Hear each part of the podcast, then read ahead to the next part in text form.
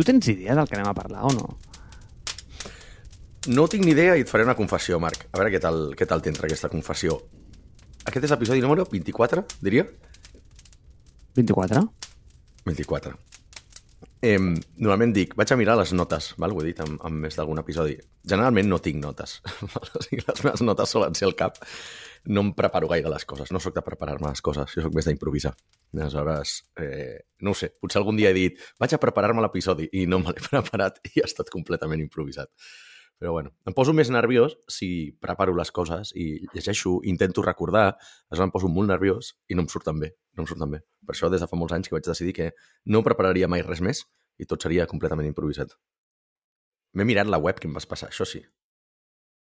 Mira, això que anem a parlar avui, encara no ho desvelarem, em va recordar una mica, saps aquestes coses que et passen com per sota, que van totalment sota el radar, no t'enteres i resulta que estan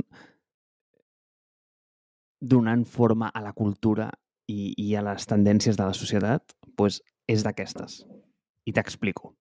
A mi em recorda molt a WhatsApp. I a què em refereixo? Salvant les distàncies, eh? Vull dir, en el moment històric.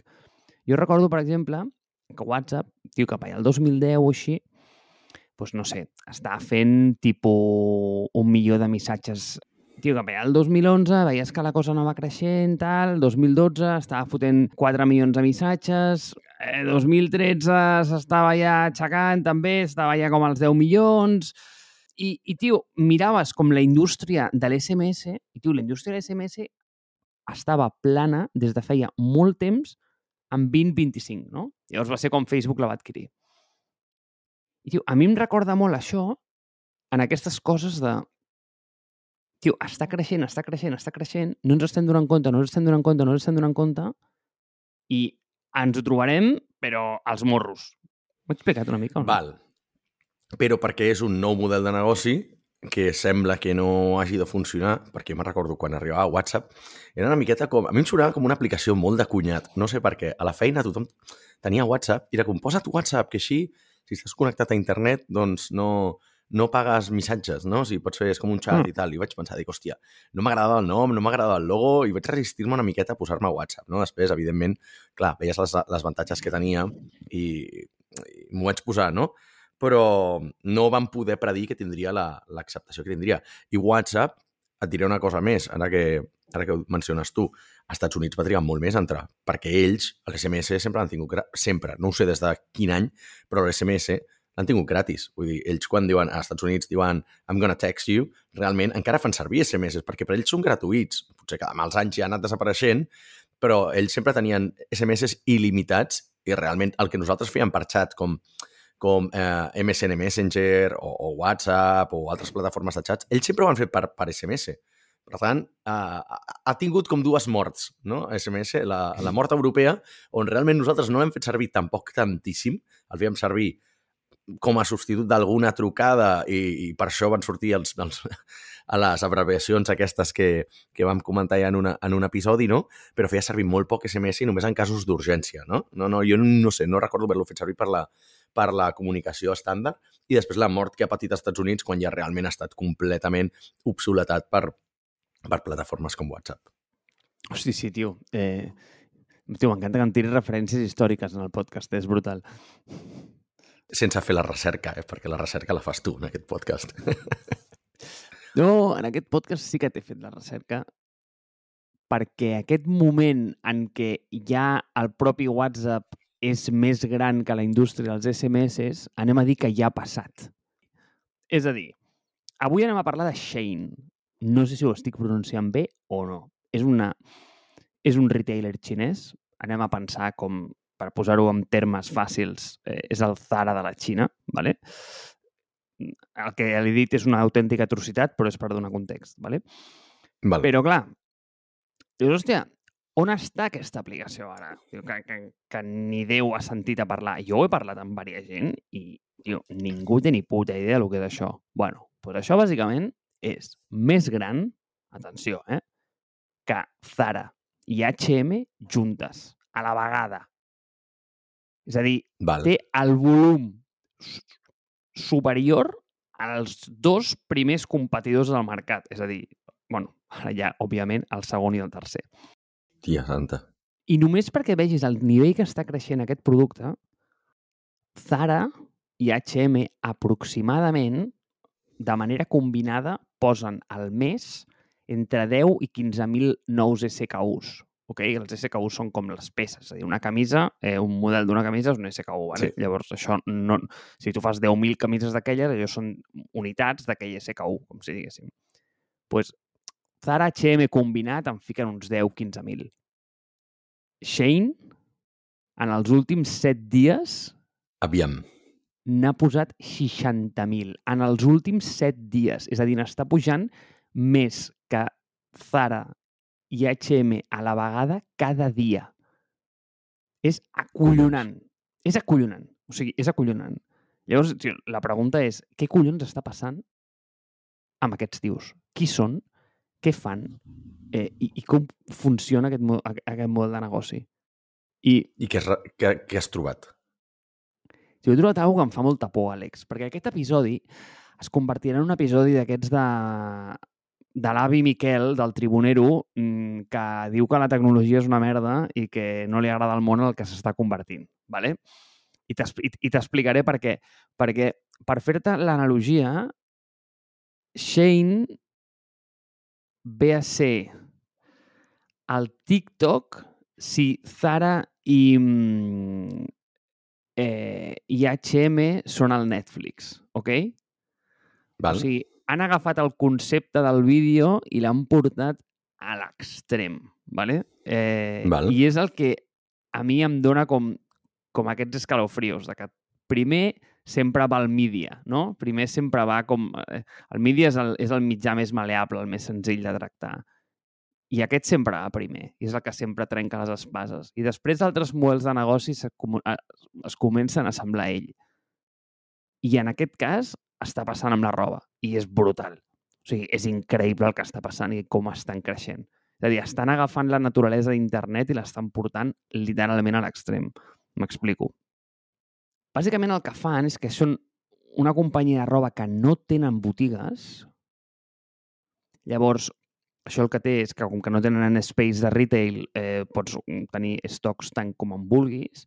Llavors el que fan és que produeixen petites unitats de cada SKU. És a dir, i, i aquí, en aquest mm, capítol no entrarem en les condicions laborals que estan posant eh, el, eh, a les seves fàbriques perquè és atroz. O sigui, és de veritat un, horroritzant el que fan. No dic que els altres facin millor o pitjor, no tinc ni idea, la veritat, però han sortit un munt de eh, un munt d'articles, un munt de notícies eh, parlant sobre aquest tema perquè és delicat. ¿vale? Però eh, anem a obviar aquesta part per ara. Eh, llavors, bàsicament el que fan és que posen al mercat mils, com t'he dit abans, de SKUs nous cada dia amb batxes molt petits, és a dir, fan sèries de 100, 500 tirades.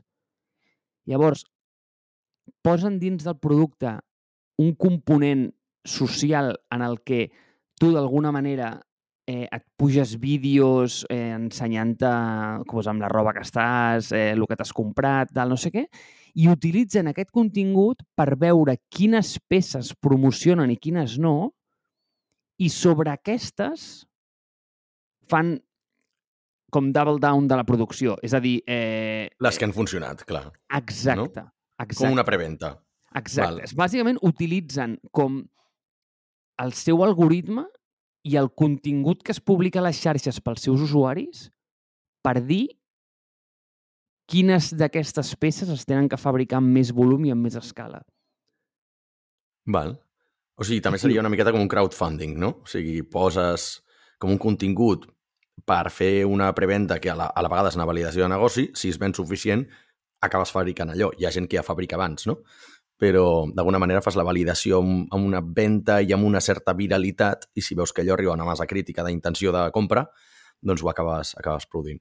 No sé si és exactament el mateix, però... Sí, no, no, és, és molt interessant com ho poses, però si et fixes al final, i per mi això té com dos té com dos cares, no? Eh, Què és el que em preocupa? Primer, la primera és que bàsicament, d'alguna manera, estàs convertint com en peces de TikTok eh, contingut de roba, no? I, i, i, i, tens, I tens una màquina perquè al final TikTok, què, què, què és el que, el, que, el que la promociona i el que la puja, per, eh, o sigui, el, el que li dona aquesta força? És que tens una armada... Tu ets familiar amb el Mechanical Turk d'Amazon? Sí. Me Mechanical Turk és un servei d'Amazon que el que et permet és comprar o, o consumir una sèrie de serveis que són com molt mecànics, no? Diguem, de, de poc valor afegit, si no recordo una més, fa molt temps que no ho miro, eh? però, però és molt barat. O sigui, gent, com per exemple, jo recordo que hi havia serveis, per donar un exemple, eh? com gent que llegeixi textos, i tu pagues una misèria, realment és com esclavisme modern, pagues una misèria però perquè representa que això s'està contractant a tal volum que li acaba sortint a compte a l'altra persona, inclús a Amazon com a intermediari, no sé, no? Però, però és per contractar aquestes coses que són com molt petites, molt atomitzades i, i diguem, de, de baix valor, però molt volum i de manera completament com si fos una caixa negra. Tu no saps qui hi ha a l'altre cantó, però tu li dius, jo vull que em llegeixis tots aquests textos. Cada dia vull que em tradueixis a, a l'anglès o a l'àrab o el que sigui, tots aquests textos, i tu ho envies a, a Mechanical Turk i et fa aquesta feina, una miqueta, no? Però eh, et fa com d'intermediari amb gent que no saps qui són, ni on són, ni és una miqueta una caixa negra. Vale, llavors, en aquí què estem fent? pues, en aquí amb Shane el que estem fent és que tenim una armada de gent que s'està comprant roba i ens estem convertint com el nostre Mechanical Turk. És a dir, tenim un Mechanical Turk gegant que ens està donant ràtios o, o valoracions del contingut i a partir d'això tens una companyia que produeix en base com a una armada de gent que a sobre li ve de gratis. O sigui, no tens ni botigues i a sobre l'algoritme, tio, a part de que el, el, els hi paguen perquè eh, no és com el mecànic del Tor, que tu li pagues a la gent, sinó que, tio, la gent compra aquestes peces, a sobre te les valoren ells i et fan com... Et fan la tota... distribució de, de, Clar, de, tio, de, de marca. Tot, tot, tot. Perquè, a més, t'incentiven a que pugis vídeos amb les peces, llavors hi ha com una espècie de, eh, de feed que és com un TikTok en el que tu pues, pots dir, tio, aquest vídeo m'agrada, aquest vídeo no m'agrada. Tio, és acollonant. O sigui, eh, bàsicament estem com ensenyant a robots, ¿vale? I, i, i, i, dient, i, i preguntant-li eh, com, tio, què collons ens hem de vestir? Perquè al final, tio, la, la roba que t'acabes posant, i, i aquí volia arribar a l'angle aquest de dir, hòstia, és que fins a quin punt estem afamiliaritzant tio, ja no només el contingut, sinó com la roba i, i, i tot ve de, de la mà de pues, això, pues, pues, eh, algoritmes que et diuen hasta com has de vestir. És que és curiosíssim. Em té fascinat. Um, lo, lo curiós és que, a veure, també és un, és un sector que no conec gaire, no? El, de, el sector de la moda. Però té tot el sentit del món, no? Perquè si tu ja saps les dinàmiques aquestes de que amb el, amb el tema de les noves generacions, bueno, inclús, inclús millennials, eh? no cal entrar només en Gen Z, sinó que millennials ja hem estat una generació que ens ha agradat molt fer contingut, compartir-lo en xarxes, el que hem estat fent és publicitat gratuïta per a les marques. Val? I això és una cosa que se sap des de fa 10 o 15 anys des de la irrupció de les, de les xarxes socials, no? Dius, hòstia, vull dir, jo si gravo, per dir alguna cosa, eh? jo si fos podcaster, mm, bueno, si fos podcaster a nivell professional, sóc a nivell amateur, i, i per algo, sempre vaig vestida amb una... O, o porto un Apple Watch, sempre es veu aquell Apple Watch al, al, a, diguem, als vídeos, no? als episodis. Per tant, d'alguna manera, hi ha product placement pel qual no s'està pagant i tu l'estàs fent perquè t'agrada, perquè tu ets fan d'Apple Watch. Val? I això és una miqueta el que han aconseguit les marques en els últims... Crec que ho deia Marc Ross, no? en el, quan el vaig entrevistar a Startup el 2014, me'n recordo que deia que des dels anys 90 o així les marques han aconseguit que els hi fem publicitat i d'una manera super lleial i fidel de manera gratuïta.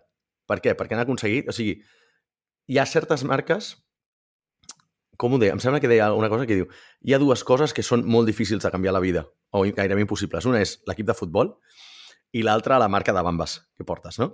Sembla que l'original era amb les, amb les, eh, amb les fulles d'afaitar. L'equip de futbol i fulles d'afaitar són dues coses que un home no canvia la seva vida, no? Eh, aleshores, en aquest sentit, eh, jo, si t'hi fixes, si tu ets de bambes de Nike, sempre portaràs Nike. Vull dir, rarament compraràs unes altres bambes. Eh, ets molt fanàtic d'això, no? Aleshores, crec que arriba com bastant tard el fet de que hi hagi marques o empreses que se n'hagin adonat d'això i ho explotin. Vull dir, realment, a mi em sorprèn que no hagi arribat fins ara. Segur que hi ha hagut moltes coses abans, no? però tot aquest tema de la fidelitat de gent que estem fem una distribució i un màrqueting completament gratuït a les, a les marques i per la cara, saps? Diguem que d'alguna manera havia d'arribar al moment en el qual una empresa digués, val, doncs vaig aprofitar-me d'aquestes dinàmiques, sé que les noves generacions, sobretot si fem molt focus en Gen Z, copiem una cosa similar a TikTok, incentivem que la gent pugi aquest contingut, els hi donem inclús la roba, no sé si Shane els hi dona la roba gratis o no, però, però, però, però si ho fes també ho trobaria, ho trobaria lícit perquè dius que et costa tu donar-li 100 persones una peça de roba quan elles potencialment, amb aquestes 100 persones, pots arribar a milions, no? I només amb aquesta publicitat gratuïta vendre i recuperar el cost que has invertit en la, en la producció de, la, de les 100 peces aquestes de prova, no? Eh, quan tens totes les dades, i suposo que és aquí on vols arribar, tu saps que realment aquesta inversió és completament lícita i més que rendible val? a nivell econòmic. Hi haurà experiments fallits, però si tu ja pots arribar a refinar tant el teu model de negoci sabent que faig una tirada de 100, la reparteixo a aquestes persones en concret o amb unes demografies com concretes i això m'acaba reportant X número en ventes, eh, al final no deixa de ser això una miqueta l'equivalent de, de Google Ads o de Facebook Ads. Poso un euro aquí i demà tinc, he tret un euro i mig. Per tant, si em poso 10, potser en trauré 15. I si em poso 100, en trauré 150. Val? Per tant, és una, al final és una, és una equació bastant senzilla. Segur que és molt més complexa que això, eh? però jo crec que vols arribar al tema del Big Data. Clar, o sigui, a la idea, o sigui, al concepte. És a dir, tu has dit, no? Eh, sempre... I com et deia, el software sempre va primer. I quan et dic software sí. sempre et dic el mídia, no? Llavors, el mídia, qui va ser com la, la, la gènesis d'aquesta idea? Pues al final, pues el que tu dius, no? Pues, eh, TikTok o, o, o Google Ads, no? Vull dir, és, és, eh, és, és molt maleable el medi, és infinitament distribuïble, no? Escala perfectament. Sí. Llavors, això mm, eh, e, és evident que anirà primer aquí. Però llavors el que em ve al cap és, hosti, tio, o sigui, aquest concepte ha funcionat aquí, no? A mi m'agrada molt pensar en aquesta idea de si anessis a muntar aquest model de negoci o, o, o aquest concepte, i anem a dir de retail, el dia eh, 2 de juny del 2022, com el faries? És a dir, què canviaries? Perquè al final tots els models de negoci estan anclats a l'època en els quals es van crear, no? Llavors, eh, aquests tios han començat ara, no? Eh, bueno, en realitat van començar fa molt temps, van començar venent vestits de núvia, però no, no en aquest concepte. És que, tio, les històries de les companyies xines són boníssimes, tio. Però, eh, sí, tio, sí, vale, totes són raríssimes, tio, totes són raríssimes. Eh, però, Val. bueno, quina no ho és, no? Però les de les xines especialment. Però, eh, què canviaries? I, i, i clar, el model de Shane és dir, mira, tio, a dia d'avui, on està l'atenció de la gent? Està a les botigues? No, not so much. On està? En els dispositius mòbils. Doncs pues, tio, sí, exacte. botigues, pa què? Llavors, la gent que prefereix eh, eh, contingut expansiu o profunditzar en alguna cosa? 100% contingut expansiu. Té un attention span de mm, 22 eh, mil·lèsimes de segon. Llavors, com et diria, ha agafat aquestes veritats o aquests pilars fonamentals de la nostra societat i els ha portat a un model de negoci. Llavors, la, la gran pregunta, i, i és el que, eh, o sigui, a on volia arribar en aquest episodi és, diu, en quins altres verticals aquestes dinàmiques es poden aplicar? És a dir, on podries aconseguir el mateix que has, que, perquè al final aquí el que has fet és que has sortit del software i te n'has anat als àtoms, i te n'has anat al món real, no? I has dit, mira, sí. tio, el concepte de TikTok, saps què et dic? Que no el portaré als vídeos, el portaré a la roba. Òbviament té, té issues el tema eh, de la roba perquè s'ha d'enviar, tal, és complicat, no? Però, eh, ostres, eh, quins són altres models que a dia d'avui tenen molta fricció que podrien viure perfectament d'això? Clar, perquè és que no estem parlant d'un tio que li ha anat bé a la vida, eh? Estem parlant d'un negoci que en molt poc temps s'ha fet més gran que Zara i H&M juntes, que eren les més grans del, de, de, del, com del, mm, del fast fashion aquest, no? Eh, i, I perdó que digui atrocitats de, eh, a nivell de, de, de roba i de fashion, però, tio, ja saps que jo sóc un tio que bàsicament eh, viu de samarretes mm, de, de cotó i Tejanos Levi 501. O sigui, eh, fins aquí és eh, on la meva literatura de la moda arriba, vale o no? Llavors, eh, com...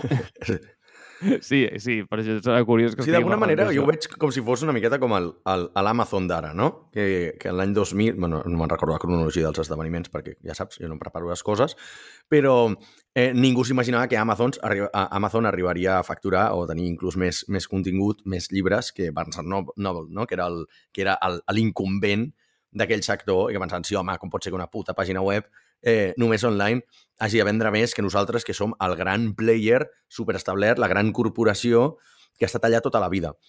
Molt senzill, perquè el que dius tu, jo crec que part del, part del secret és el següent. És, un, coneixement de la indústria, perquè segurament aquesta gent no són quatre flipats de la, que surten d'una business school i han dit anem a muntar això, sinó que segurament ja treballaven en aquest sector des de feia molt, molt de temps i coneixien les ineficiències. Val? I segon, és que una de les coses bones de crear una empresa, diguem, a dia d'avui, o fa 10 anys, o quan sigui, en un sector que ja porta molt de temps establert, és que pots, pots diguem, eh, com es diria en castellà, sol, soltar lastre, no? O sigui, pots, pots deixar-te de, o sigui, pots no incloure les coses que fan extremadament ineficient el teu negoci. És a dir, nosaltres, quan vam crear la nostra empresa fa gairebé 10 anys, ara ja, eh, eh, o sigui, una consultora sempre ha tingut oficina, però amb les capacitats i les, les possibilitats que teníem al 2014, vam dir, necessitem una oficina? No. Eh, Ens podem pagar millors sous o podem pagar millors portàtils amb tot el que estalviem no tenint oficina? Sí, i aleshores això ens va donar una avantatge competitiva. Eh, Coses que no preveiem, aleshores, com per exemple doncs, poder fitxar millor talent, poder fitxar talent altres llocs on no arribaríem, o fitxar gent que ja no vol treballar en empreses que tingui oficina, aquest tipus de coses, no? I, hòstia, sí que és un exemple molt petit, el nostre, però, però hi ha altres empreses que ja s'han concebut com a completament eh, officeless, no? I dintre del sector, i disrompiran les, les, les, la, les grans empreses d'aquest sector. El mateix que va fer Amazon i segurament el que està passant amb Shane. És a dir, trobes les ineficiències i dius, això ho necessito, o sigui, qüestiones cada cosa i dius, perquè tens coneixement de la indústria, dius, segurament això és nice to have, potser és inclús important, però és crític? Si no és crític, no ho tinguis. I aleshores mires en què pots invertir aquella pasta o aquells esforços que et requeriria mantenir aquest tipus de cosa, o crear-ho, o, o comprar-ho, m'entens?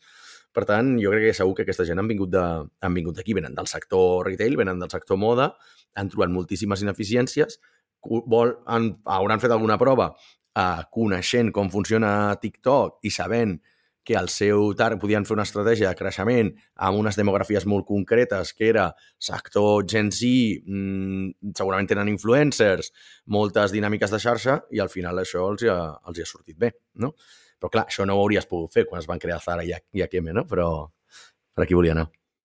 Clar, diu, però superinteressant, no? Com eh, tu a vegades, mm, no ho sé, tens aquestes converses així com, com, com de bar, no? On, on et parlen de les tecnològiques i tothom parla de, pues, això, no? Vull dir, Amazon i, i, i Facebook i, i, i sempre surten les mítiques americanes, no?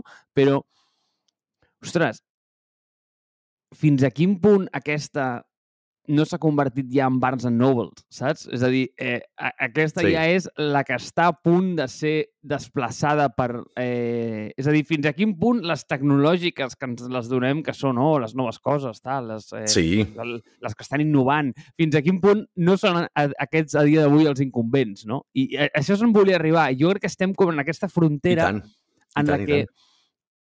hòstia, el que ens pensem que és novedós ja no ho és anymore, saps? És a dir, que estan a punt d'aparèixer com aquest... I, i, i en aquí poso eh, un, un, un, com un, un vincle ja a l'episodi anterior, no? Tio, on estan les oportunitats, no? Eh, i, i, ara és increïble perquè hi ha un munt d'espais que, que estan d'alguna manera canviant moltíssim el panorama actual i des de pues, eh, Web3, biotecnologia, mm, eh, però per mil verticals diferents, no? Eh, fins a quin punt les companyies que a dia d'avui ens pensem que són les que estan innovant realment són les que estan a punt de ser desplaçades per algunes que encara ni coneixem. A, mi aquesta és la part que em fascina i que estem vivint exactament en aquest moment, saps? Jo crec que... Vale, veig per on vas. Crec que encara queda molt perquè es desplaci una empresa com Facebook, com Twitter... O sigui, per bé que Facebook, per exemple, tingui tots aquests problemes reputacionals i que la gent ja no fa servir, segueix facturant més que mai. Per què? Doncs perquè Facebook fa molt bones compres i va comprar Instagram, que igual també diràs, hòstia, està cap a caiguda Instagram. No ho sé, saps? Vull dir, deixa'm que ho qüestioni.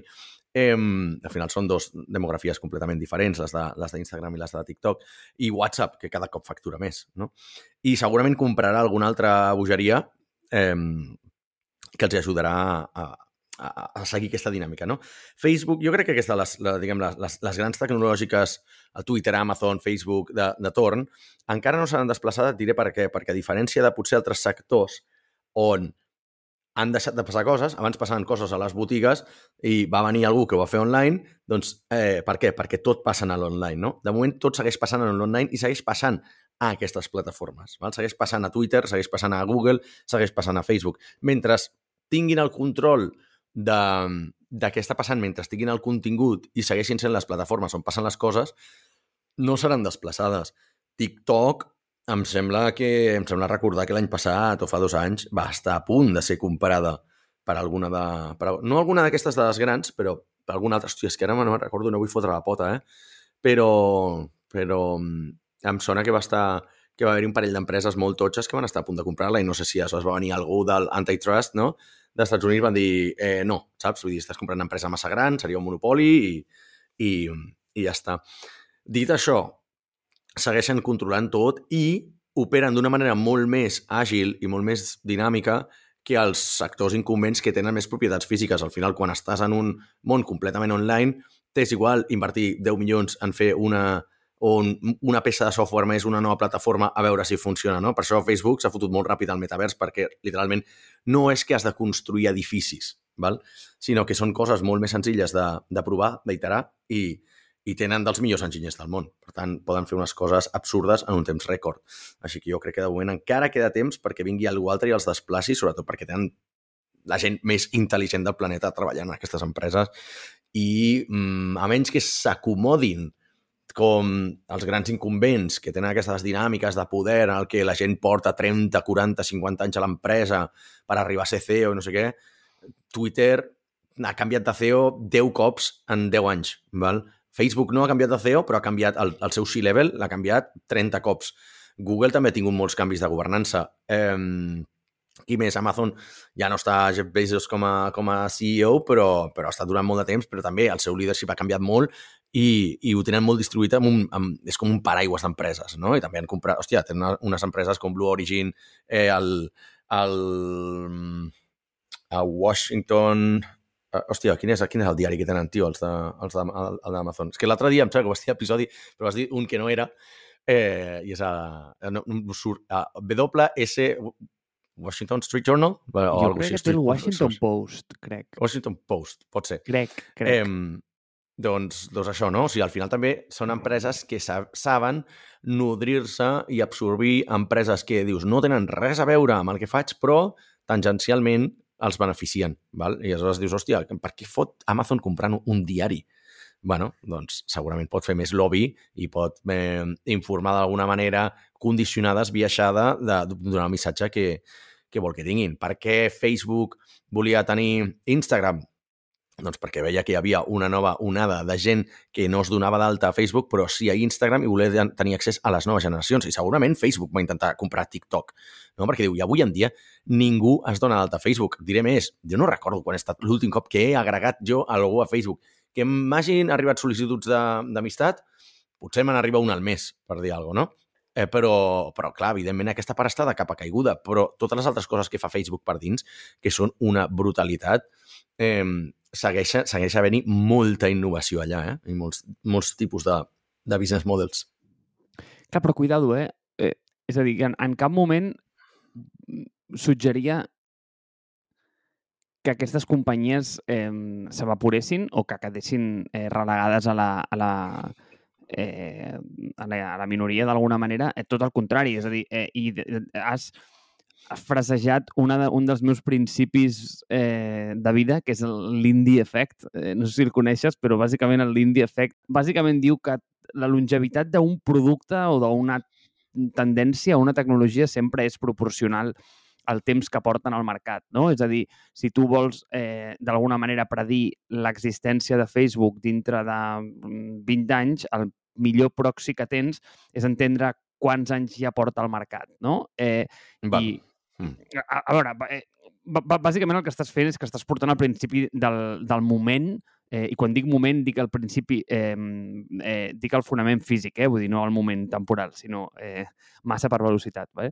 Eh, l'estàs sí, portant aquest moment l'estàs portant a la, eh, a la societat, d'alguna manera, perquè tu pots tenir coses que tenen molta inèrcia eh, i anem a dir, mm, no ho sé, pues, eh, eh, coses fugaces que apareixen ara, eh, jo què sé, eh, tio, Solana, ¿vale? projecte de, de Layer 2 de blockchain que, bueno, sí, sí, sembla que estan bé, però pot ser que no estiguin bé, però va aparèixer fa quatre dies, no? En canvi, pues, un un Apple, eh, Val. saps perfectament que el tindràs allà eh, dintre de 15 anys únicament per I 30, la massa si que vols. té, però és que inclús te'n pots anar a coses més estúpides com el fax. És a dir, tio, encara fliparies l'ús que té el fax, no? I, i, I és el que tu em deies, de, hòstia, és que aquestes companyies estan facturant més que mai. Clar, clar, o sigui, mira Microsoft el que està facturant, és a dir, és, eh, és una evidència, no?, que, que, que estan allà i que, eh, i que només el fet de que porten tant de temps enquistats a la societat ja és un de que estaran eh, en els pròxims anys. Així que...